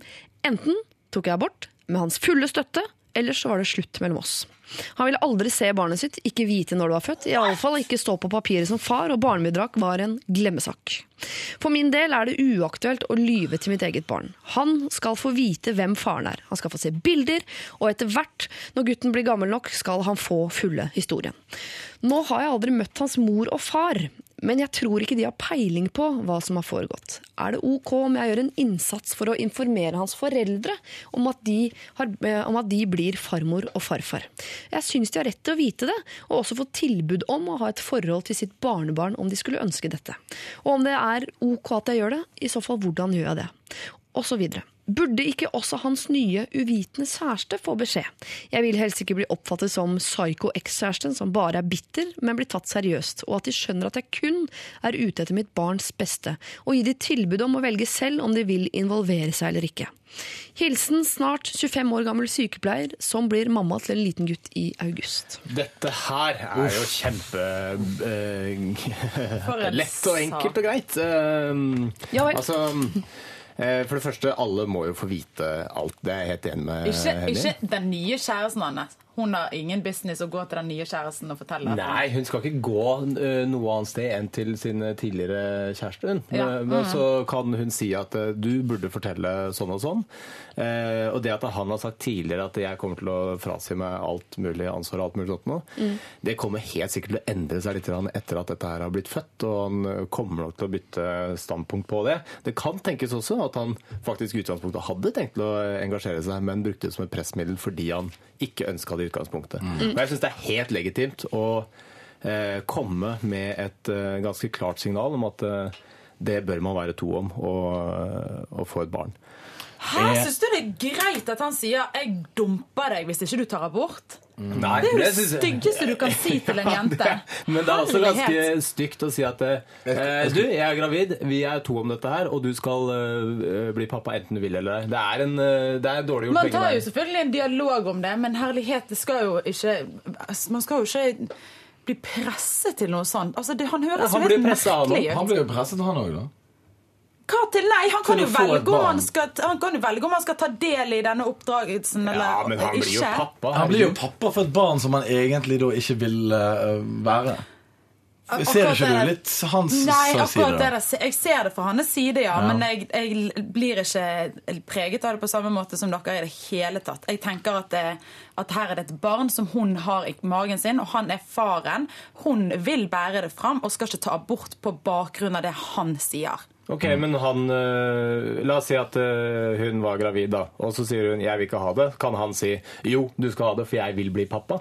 Det er jo en helt twisted situation, for at hun er i Ja, er egen, hun er i sin egen kropp. Nei, det er samtidig ikke det. For det er hun som bærer fram barnet, og det vokser i hun. Ja, jeg er litt enig i det, men allikevel så er det en øh, delaktighet som man må samarbeide om. Og det der, Det- det- Men akkurat det der folkens, er jo en kjempedebatt hvor, hvor folk er helt sånn vidt uenige om øh, altså, Det er jo ikke noe tvil om hvem som sitter på den endelige makta til å ta den avgjørelsen, men han har jo på en måte tatt et valg og sagt at det barnet er ikke jeg interessert i å ha noe med å gjøre. og Det er en forferdelig brutal ting å si, men han har på en måte tatt et valg øh, og sagt du har tatt ditt valg, som er å bringe fram barnet.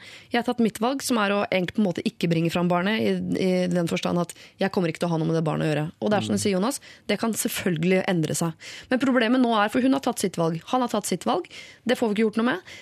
Men hva med eh, besteforeldrene? Ja, De må ikke informeres av henne. Det er øh, å gå bak ryggen, og det kommer bare til å forsure det forholdet mellom de to. Men er ikke det allerede ganske rævkjørt? Beklager ordet. Nei, ikke ikke nødvendigvis. Ting kan endre seg når det barnet kommer til verden. Ja, altså, men du mener at hun, at hun gjør det vanskeligere for å få et For det, eh, det beste for henne og for barna hadde vel vært å få et sånn streit forhold til han igjen på et eller annet plan. Ja. Og det vil bli vanskeligere hvis hun går til mor og fa, mora og faren hans. Ja, må hun må uansett prøve å gå via han fyren. Ja. Og si at du, jeg syns det er veldig rart å, eh, å ha et barn som eh, har besteforeldre og en far som ikke vet om og ikke tar del her. Og de besteforeldrene har sikkert lyst til å vite om det og, og ta del. Og så prøve den veien, og så eventuelt si at uh, Hallo, Men- eh, hva hvis jeg Det går via? Det er veldig mange rare ting her, men hva tenker dere om uh, Altså Hvis faren fortsetter å ikke ville ha noe med dette her barnet å gjøre, eh, som jo er en forferdelig ting, men som, eh, som skjer hele tiden. og Det kan godt hende at han er en, en, en av de som ikke ønsker å ha noe med dette barnet å gjøre. Er det da greit at foreldrene sier jo, men det vil vi? Eller er det på en måte han, eller bestemmer han på vegne av sin familie? Nei, jeg har eh, det på en måte kan- sagt sånn nei takk til det barnet, og da er det, det på vegne av oss Det som er artig her, da, det er at jeg har jo faktisk vært i en slags lignende situasjon. Oi! Ja, altså der jeg eh, har vært eh, på byen, eh, full dum, og uh, gjort mitt eh, fornødne, holdt jeg på å si. Det er ikke lov å si. Det er ikke lov å si. Og så, eh, og så eh, telefon noen uker etterpå, da. Um, men det som skjedde da, heldigvis, da, det var det at den personen ønsket å skremme meg, da, for hun ville liksom treffe meg igjen, og så videre. Da, og så løg Og det er det verste en jente kan gjøre. Ja, lø, løg på seg da, et- barn der, da. Faen, jenter er så duste, ass. Men det som jeg tenkte da, det var jo det at jeg tenkte innerst inne det at eh, greit, hun her er jo helt eh, skrullete Med menneske. Hvem som vil ha et barn med en tilfeldig person som de møter? Eh, det er urettferdig for eh, både hun og han, og spesielt barnet da, som skal komme inn i en situasjon som er veldig trist. Eh, Men jeg tenkte det at ok, jeg må jo ta konsekvensene av den her utrolige moroa jeg har begitt meg ut på. Eh, og eh, da på en måte tenkte jeg greit, da må jo man bare gjøre sin del og, og på en måte ja Akkurat som man krasjer en bil. sant? Man må gjøre opp for seg, og man må Ja, dessverre, det skjedde, og du kan ikke bare se en annen vei. Men nå snakker du om standpunktet til han fyren. Han har tatt det motsatte standpunktet av det du snakker om. Ikke sant? Allerede, Så den er på en måte kjørt. Men- det men vi må jeg lure også- på men- nå, er i forhold til de besteforeldrene. Og jeg syns det er helt merkelig hvis hun skal engasjere de besteforeldrene. Skal hun og de driver og samarbeide om den ungen? Men etter hvert så vil jo han spørre, eller ungen den eh, Det er ikke sikkert, han Jonas. spørre Nei. Hva med pappa? Bare sånn, Nei, nei, vi holder han utenfor. Vi, det er hemmelig. Ja, for Man sier jo veldig ofte, og det er ikke alltid det er sant, noen ganger er det selvfølgelig det, man sier veldig ofte at jeg tenker kun på barnets beste. Og så tar man masse valg ut ifra det man tror er barnets beste, men som, eh, hvis man går noen lag bakover, så viser det seg at det er egentlig Gjør du det? det som er eh, best for deg, eller det du har lyst til, eller uh, altså, basert på noe bitterhet eller sorg eller noe sånt. Men fordi jeg vil også tro som barn, da, hvis jeg hadde vært barnet her, og eh, at jeg hadde kontakt selv med mammaen min og besteforeldrene mine, men pappa som var mellomleddet der, han hadde jeg ikke noe kontakt med. Det vil jeg synes var veldig, veldig Ja, merkelig. merkelig. Nei, men Så de skal jo ikke involveres med mindre far er involvert, tenker jeg. Helt Det, ja, det er merkelig, men hør da. Det finnes veldig mange situasjoner òg med folk som jeg kjenner, som har eh, da fått barn med en, en mann som er bare ikke ønsker å være til stede i det hele tatt, men han har tro det eller ei, foreldre som er fantastisk interessert i barnebarnet sitt. Og da blir det sånn at de får eh, vokst opp med noen nydelige besteforeldre, og det er kjekt. Ja. Men selvfølgelig helt fucka med tanke på at han faren ikke Men da la meg bare si det òg til hun damen her som, eh, som nå skal ha barn, og er, kanskje føler seg litt alene i det. Eh, Det er ikke nødvendigvis alltid fantastisk at alle er involvert. Noen ganger så kan det bli sinnssykt mye komplikasjoner med folk som ikke bare Altså det er så mange ting som kan gjøre det slitsomt for deg, da. Det er så mange ting å ta stilling til. Men jeg, nei, stilling til. Ja. Men eh, jeg, eh, jeg syns at for- besteforeldrene bør få vite det, om det så er gjennom han eh, mannen som ikke vil ha noe barn. Ja, altså Grunnen til at han ikke vil informere foreldrene sine i England, det Ja. er jo fordi at eh, da vil jo de legge press på han for at han må ta og gjøre eh, opp for seg. Selvfølgelig, Han gjør det bare vanskelig for seg sjøl av å fortelle sånne Hvis han ting. forteller det til foreldrene sine, så vil de si det. at, Ja, men du, klart, du, må jo, du har jo et barn, og du må gjøre din del. sant? Og da vil jo de påvirke han. Eh, og det er jo noe han sikkert ikke vil. da. Han vil ikke at eh, folk skal vite det, for da vil folk legge press på han, og da må han plutselig begynne å gjøre noe. Så hun har jo fått barn med en eh, litt eh, sprø type her, og det er jo eh, selvfølgelig Nå er jo det gjort, da. Eh, Det er ikke nødvendigvis at han er sprø, han har bare panikk. Panikk, ja, panikken forstår jeg. Jeg tror, som du sa i stad også, Anders, at antageligvis har han jo overdrevet eh, hvor lite kontakt han vil ha med dette barnet i desperasjon og i håp om at, eh, om at han slipper, på en måte. Men det kan jo hende at han i et øyeblikk av storhet kan tenke at ok, så får ikke den ungen verdens beste far, men da skal han i hvert fall få verdens beste besteforeldre i England. altså kan jo, det altså, blir man, jo veldig rart å gå rundt og være den ungen og ha kontakt med besteforeldre, og så ser du bilder hjemme hos dem av faren sin som du heller ikke får møte. men barn er veldig tilpasningsdyktige. Ja. Jeg tror de bare får masse kjærlighet, så er det samme litt hvor Kanskje alle kommer sammen kan bare gå sammen og lyve om at han faren er død, og så øh, Ok, hvis men- Det kan bli en veldig «Oi, fin dokumentar av det om allikevel». noen år, i hvert fall. Nei, altså eh, hun eh, Altså, faen Hun må jo da eh, ha en sit-down med han fyren her. Altså Hun Ja. må jo møte han. Eller Skype, da. Eller en veldig god Skype-forbindelse. Eh, eller liksom rett og slett reise til London, eller få han til å reise til Norge. Og så må de sitte seg ned og så sier de dette produktet som vi har skapt i dag, dette er vårt felles ansvar. Jeg er moren, selvfølgelig vil jeg ta mer ansvar fordi at jeg bor i det landet. Jeg har båret det fram. Det var jeg som bestemte at det skulle eksistere. Og det er veldig viktig at hun gjør det, for at hun kommer ikke til å få seg en ny type nå som hun har barn, så det er vanskelig. Du er en vitteper! Utrolig lite hyggelig du er, må være som lege. Jeg bare minner meg på å Du, aldri gå er nå, det er standup-komikeren. Hvis du skal bytte fastlege, så- Ikke huka for Jonas Bergland. Nei, men altså, så, så, så hun må møte den mannen, altså. eller så må hun reise til England og så må hun ringe på døren og si Sa da, jeg er her i to dager, dette er barnet ditt, eh, skal vi ha en samtale eller ikke? Nei, å gud, det der hørtes helt grusomt ut. Og så eh, Ja, altså, så trapp opp på døren der, ding-dong, sånn, dette er livet ditt nå. Oi. Eh, så hvordan vil du gjøre dette her? Uh, nei, jeg vil fortsatt ikke ha kontakt. Ok, greit. Jeg spurte, jeg prøvde. Uh, da stikker jeg til Norge, og så får du leve dette her uvitende livet ditt. Og når du gjør det der, så er det viktig å kle seg ordentlig. Ja, opp, Kle deg fint, smink deg litt opp der, og gjerne gå til en dyr frisør. Mener dere dette? Nei, ja, men det. ring på døren, mener jeg. Dere høres seriøse ut. Det kan ikke skille. Nei, men altså, ring, jeg mener ring på døren, ja. Hva mener du? For nå må ikke du være nøytral. Jeg er aldri nøytral. Men jeg, det, det som er vanskelig med dette problemet, er at det er så mange valg man kan ta på vegne av så uh, veldig mange. Og jeg er litt usikker på sånn uh, For et barn, eksempel, så har jeg alltid tenkt at det er bedre å ha en øh, ikke-eksisterende far enn å ha en 10% far. Fordi hvis du øh, til stadighet sånn innimellom hver tredje jul får en gave av en eller annen fyr, så blir du minnet på ja, det var faren min, ja, og så skal du gå og være lei deg de neste to fordi du ikke fikk noe til jul. Sånn sett tror jeg det er lettere for en å forholde seg til enten ikke noe eller 100% Og han fyren her, han blir ikke 100 Nei. Så Tror du aldri han blir det? Nei. Han blir ikke 100 pappa, han fyren her. Men vet, Jo, etter en konfrontasjon. Jeg tror kanskje han kan lures innpå. Vi kan ikke ta, for, vi kan ikke ta høyde for at det kommer til å skje. Nå Nei, det kan vi ikke, men vi må uansett ta høyde for at eh, hun må prøve å ta kontakt med han. Om, Men jeg- om hun jeg- jeg trapper opp, eller hva hun gjør, det er, altså, det er jo en litt sånn uh, metodikkavklaring, hvordan hun skal på en måte te seg da, for å klare å komme innpå han. Hun kjenner han bedre enn det vi gjør. Ja. Det første hun må gjøre, er jo bare få, nok, få dette barnet fram i trygge omgivelser, og eh, at og ikke tenke så mye på alt det andre. Og så når det er blitt født, så kan hun tenke sånn Kanskje nå, kanskje nå kan jeg ta den telefonen til han og så si nå har jeg født. Og er du sikker på at du ikke har lyst til å se sønnen din, liksom? Eller datteren din? Og så Jeg vet ikke. Eller barn- hun kan eh, sette eh, ta barnet og legge det på en sånn kirketrapp. Det har jeg sett. Og så er det noe som bare tar det. Eller Moses i Og så kanskje han blir superhelt. Ja! Men jeg tror, jeg tror uansett hva hun velger å gjøre, da, så er dette lille barnet her vokser jo opp i sin verden og vet jo ikke hva som er vanlig ellers. Hun vet ikke at det, Eller eh, han, da, som det blir. Han vet jo ikke at det er uvanlig å ha besteforeldre uten at pappa er involvert. Han vet jo ikke at det er eh, uvanlig at pappa bor i et annet land enn mamma. Han, han vet ikke at det skal være mamma og pappa som har hver sin bestemor. Altså, han vet ikke om den der typiske ramma og hvordan den skal se ut.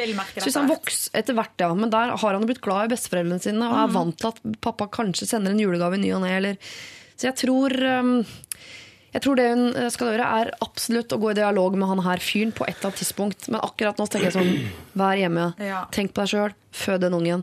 Den ungen har, så lenge du er full av kjærlighet, så kommer den ungen til å ha det mer enn Ja. tipp topp sammen med bare deg. Du trenger trenger ikke han fyren, og så ta det derfra. Og hvis du eh, etter hvert tar kontakt med han, og han er åpen for at besteforeldre kan hekte seg på, ja, så gjør du det. Hvis han er helt på bakbeina på det, så kanskje la man det være. Ta det etter han. hvert som dukker opp i, i kommunikasjonen, liksom. ja. Her er det mange Ikke ligge på trapp. Ikke legg det på trapp. på en trapp. Nei, jeg bare tulla. Jeg sa jeg ligger på trappa.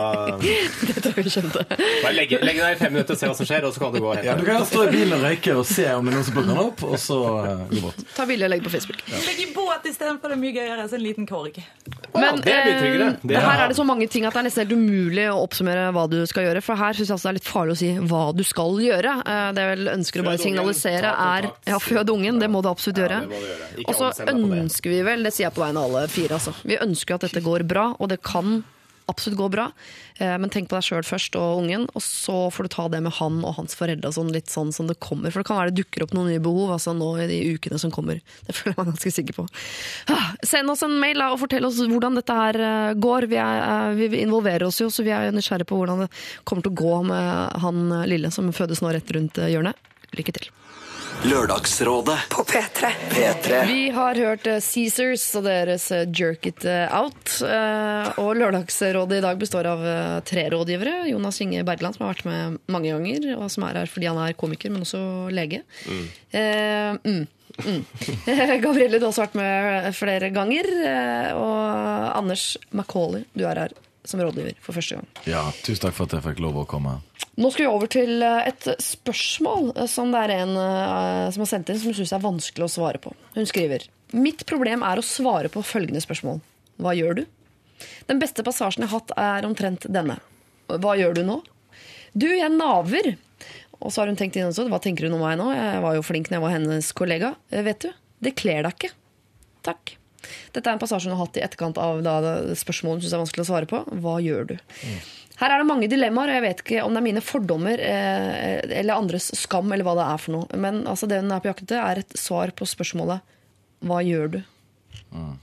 Når hun, det hun gjør, er at hun naver. Ja, Hun er på Nav. Hun er på Nav. Skammer seg litt, kanskje. da Står det noe om hvorfor hun er på Nav? Nei.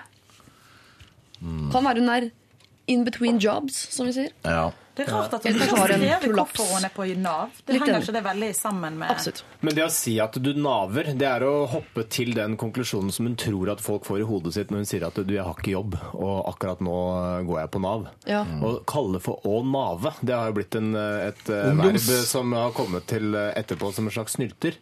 Og det trenger ikke å være en snylter. Det kan godt tenkes at du er eh, sykemeldt, eller du har eh, arbeidsavklaringspenger fordi du har vært sykemeldt lenge. Altså Det er mange ting som Sier kan hun det spille inn på spøk? Eller sier hun sånn Nei, bare Nava.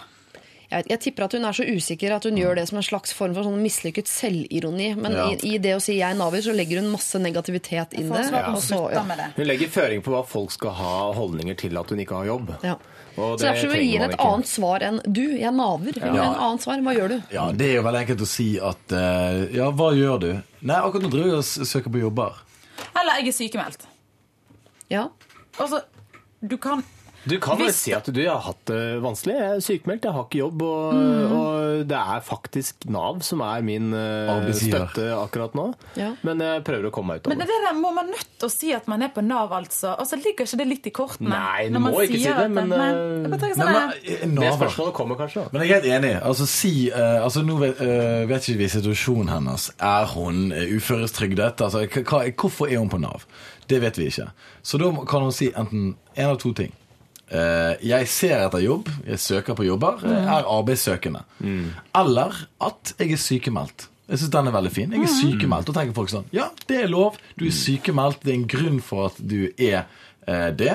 Og da Du kommer til å få spørsmål sånn, Da lurer folk på hvorfor er du sykemeldt. Men da kan du begynne med å si sånn Du, jeg har eh, hatt det litt eh, kjipt, eller jeg har vært skada, jeg har vært syk, så nå er jeg sykemeldt.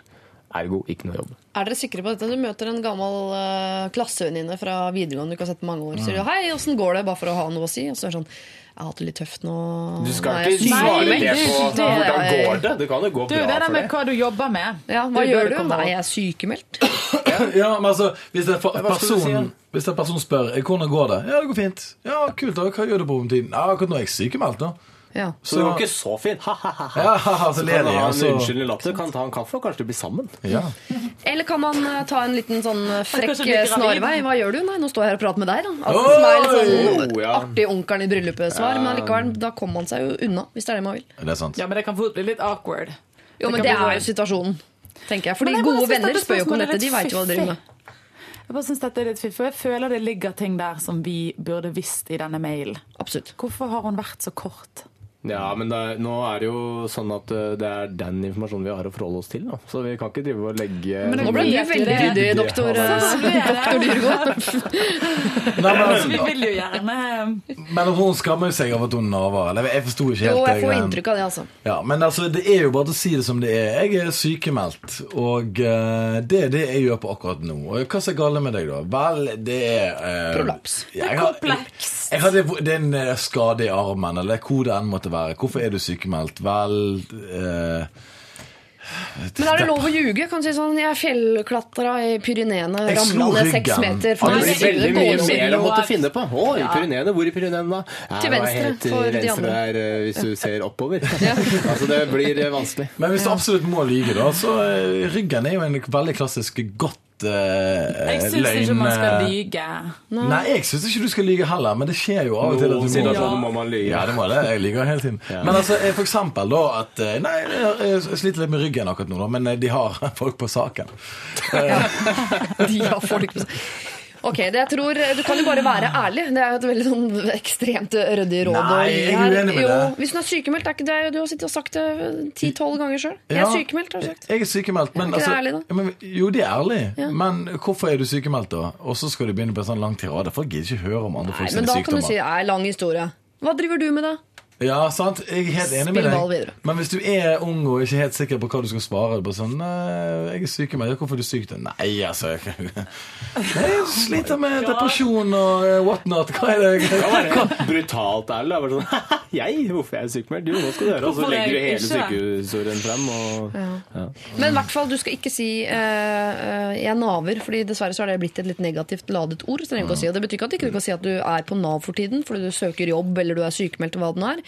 Ordet Nav er lov å bruke. det er ikke det. Det- ja, ja. Men slutt å si 'jeg naver', for da virker det som du på en måte har gitt opp og lagt deg i livets Ja, saccosekk. det, det, er sånn ja, jeg er snylter. Det er jo kjempedumt. Du er en belastning for samfunnet. Du vil ikke tro hvor jævlig dumt og trist det er for befolkningen i det norske samfunn å ha deg som gående rundt der som en sånn eh, Du kan fullt funksjonelt ha en jobb, du kan fungere i samfunnet, men du velger å la være. Da er du en drittsekk. Men jeg tenker at du må si det eh, sykemeldt eller i arbeidssøkende. Det er ikke noe verre enn det. Hva er spørsmålet dette? Vet ikke hvorfor vi Hvem er du? her engang. Dette er jo bare, Vi trenger jo ikke si noe. Du er jo helt Nå er, nå er det klar melding, klar tale. Ja.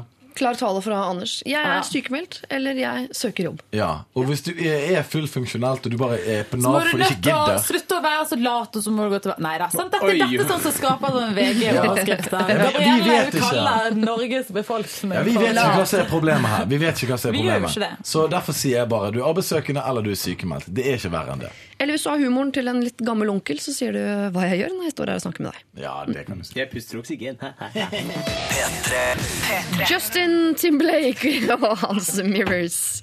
Det er rart at uh, hun av oss som driver mest med musikk, er den mest sånn umusikalske i forhold til osv. Ja, Holde kjeft. Det er, det er grunnen til at jeg sluttet å jobbe i radio. Nei, nei.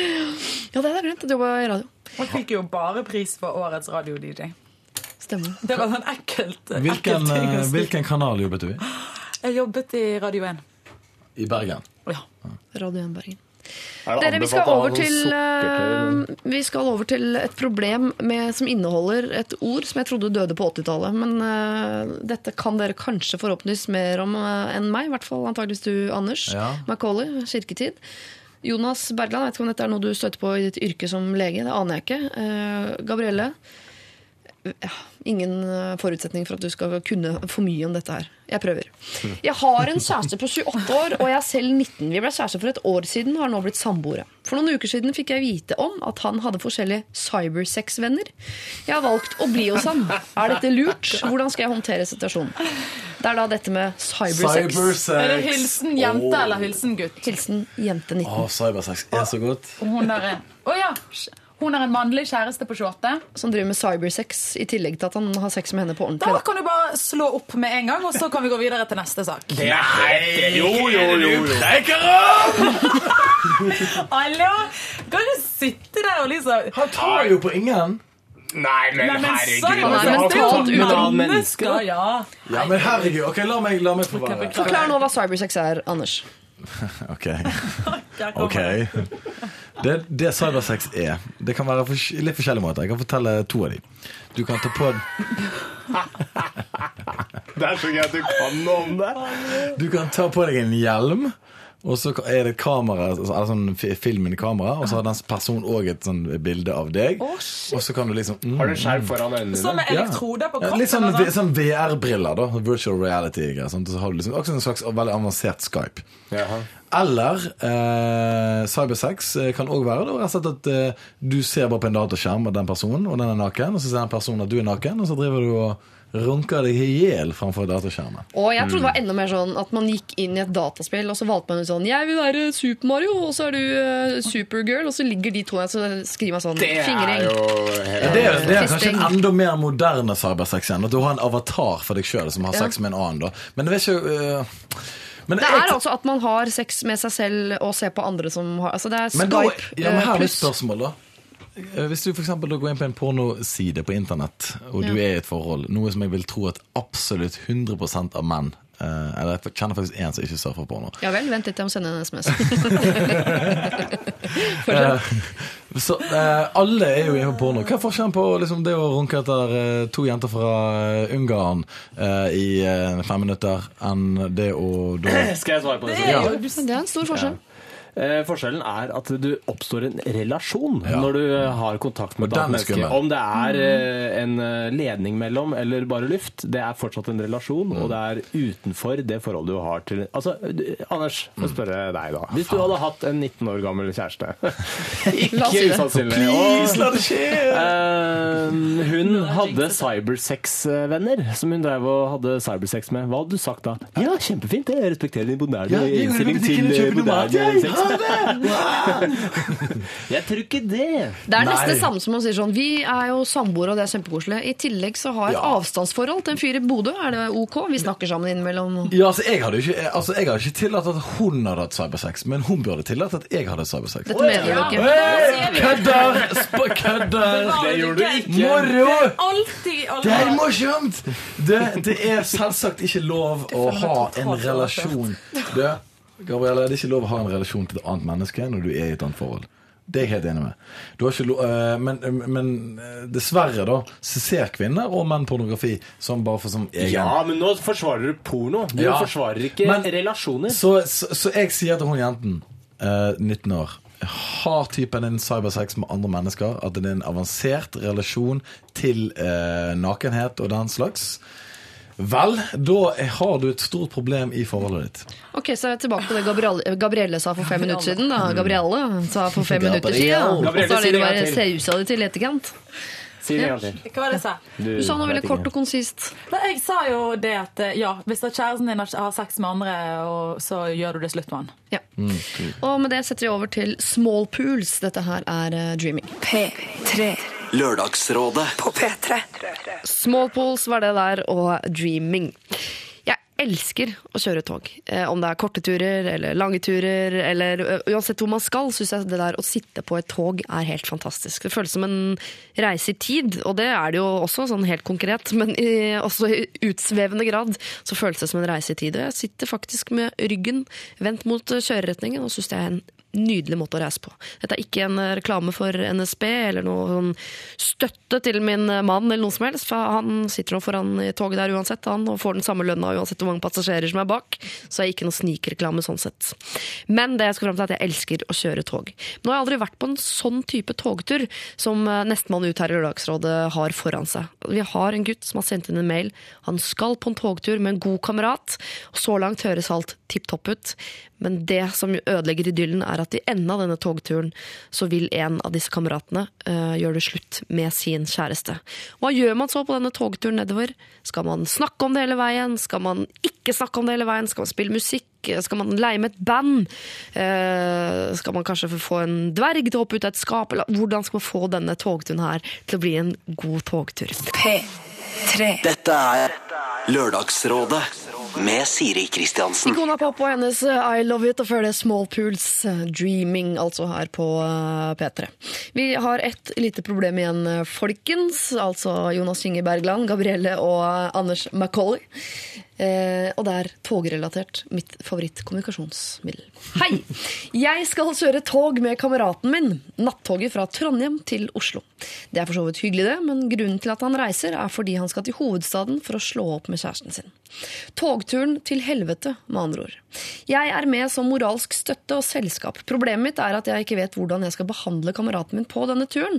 Skal jeg ta med en flaske gin, eller skal jeg diske opp taco i sovevogna? Skal vi snakke om han og kjæresten i de syv timene det tar, eller er det helt andre ting jeg skal fokusere på? Så kjære Lørdagsrådet, hvordan skal jeg gjøre min kamerats togtur til helvete litt lettere? Klem og hardt håndtrykk fra Kjell. Hva sier du, Gabrielle? Jeg syns det at eh, det der er ufyselig gjort av deg. Nå vet lytteren ingenting om hvorfor du er sånn som du er.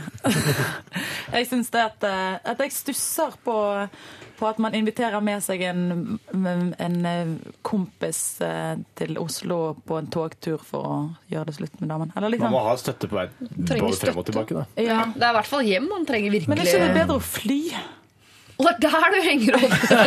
Det er jo åtte timer, det er veldig lang tid. buss? Det er jo veldig mye bra buss. eh.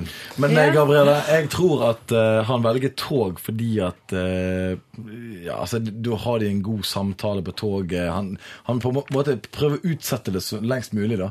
Prøver å finne den lengste veien til Oslo. da. Det Fra, hørtes rart ut. fra Trondheim. Jo, men det ligger noe i Selvfølgelig kan være økonomi og flyskrekk og sånn, men økonomi, ja. sett bort fra det, så ligger det noe i valget av kommunikasjonsmidler, nemlig at han ønsker en lang tur sammen med en venn. Og i det så kan det jo hende at Men det har han bedt venn om å bli med? Ja. Ja. Kan han da Um, spørre, kan han spørre Hvordan vil du dette skal være for deg? Skal vi ha det litt gøy, eller vil du ha det bare drit? Ja, det er et eh, legitimt spørsmål. Jeg ville gjort det. Hvis jeg skulle ta tog sammen med en kompis som skulle gjøre slutt med kjæresten sin, så hadde jeg spurt om du, eh, skal vi snakke om det, eller skal vi snakke om noe annet.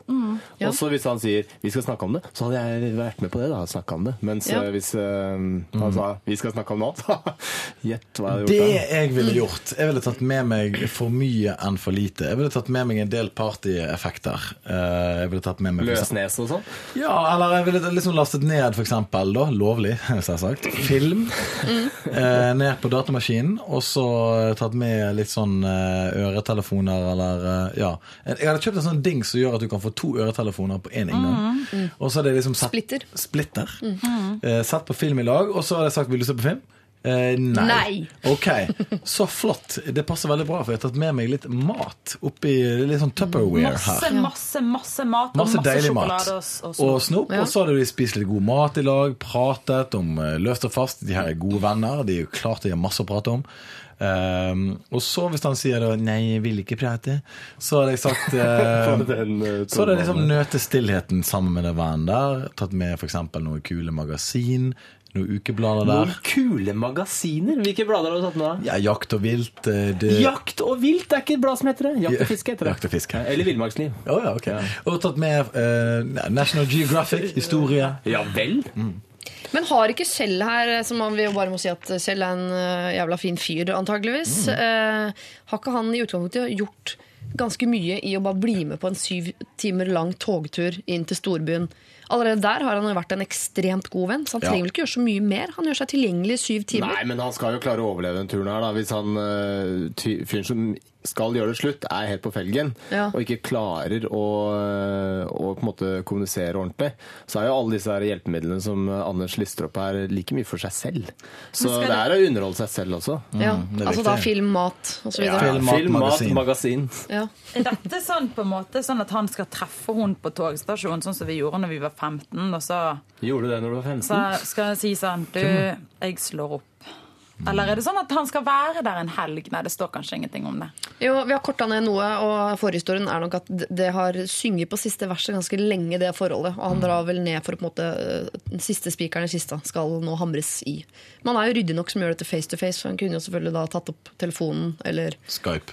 ja, Skype. Cyber. Ja. Så er, altså, både Kjell og kompisene virker som ganske ordentlige folk. Og sikkert hun dama også, det er ikke det, Ja. men det er et brudd.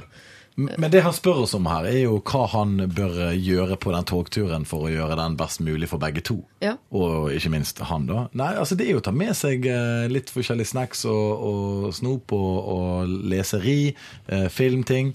Eh, og ikke minst eh, Altså, De er jo gode venner, så de har jo masse de har å snakke om. da. Jeg har sittet i bil tusenvis av ganger. Jeg er med kompis der vi har kjørt i bil i syv-åtte timer, tolv timer. Og det har jo gått fint. Hør på musikk. Ja. ja. På tog så slipper du den der greia at du må kjøre sjøl også, det er veldig bra. det. Ja, for eksempel, du kan gå i denne wienervognen og kjøpe deilige wienerbrød, pølser. Eh, Du kan kjøpe deilig Er det bare jeg som har fått angst for tog i det siste? Angst for tog? Bare pga. togulykken? Du mener buss for Bare den ene, Det har jo vært så mange togulykker i det siste at det er furore. I dag er det angst for tog. Det går ikke tog. Altså, buss for tog. Ja. Har ikke en angst for Tog er veldig, veldig trygt. Ja, det er vel det I her hvert fall i Norge. Ja. Kjempeveldig trygt. Nei, Jeg ville ja vært en god kompis og bare tatt det som en kul tur, og så heller sagt det at bare si fra. liksom sånn. Ah, eller sånn som jeg sa, det var egentlig bare det jeg sa i begynnelsen. Spør om han har lyst til å snakke om det. Ja. Kjell, du er en god kompis, jeg er ikke noe tvil om det. Spør hva kameraten din ønsker på denne togturen eh, i form av eh, fest eller sorg, eller hvordan han ser for seg. Og så har du med en kjempebag full av alt mulig. Gjerne hans favorittfilm, hvis du vet hva det er. Gjerne hans favorittmat, hvis du vet hva det er.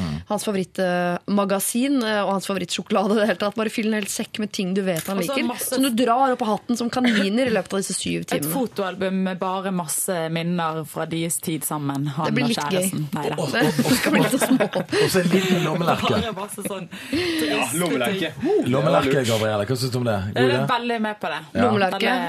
Og småmynter til maskinen om bord, der man også får kjøpt de tingene man Ja. har glemt.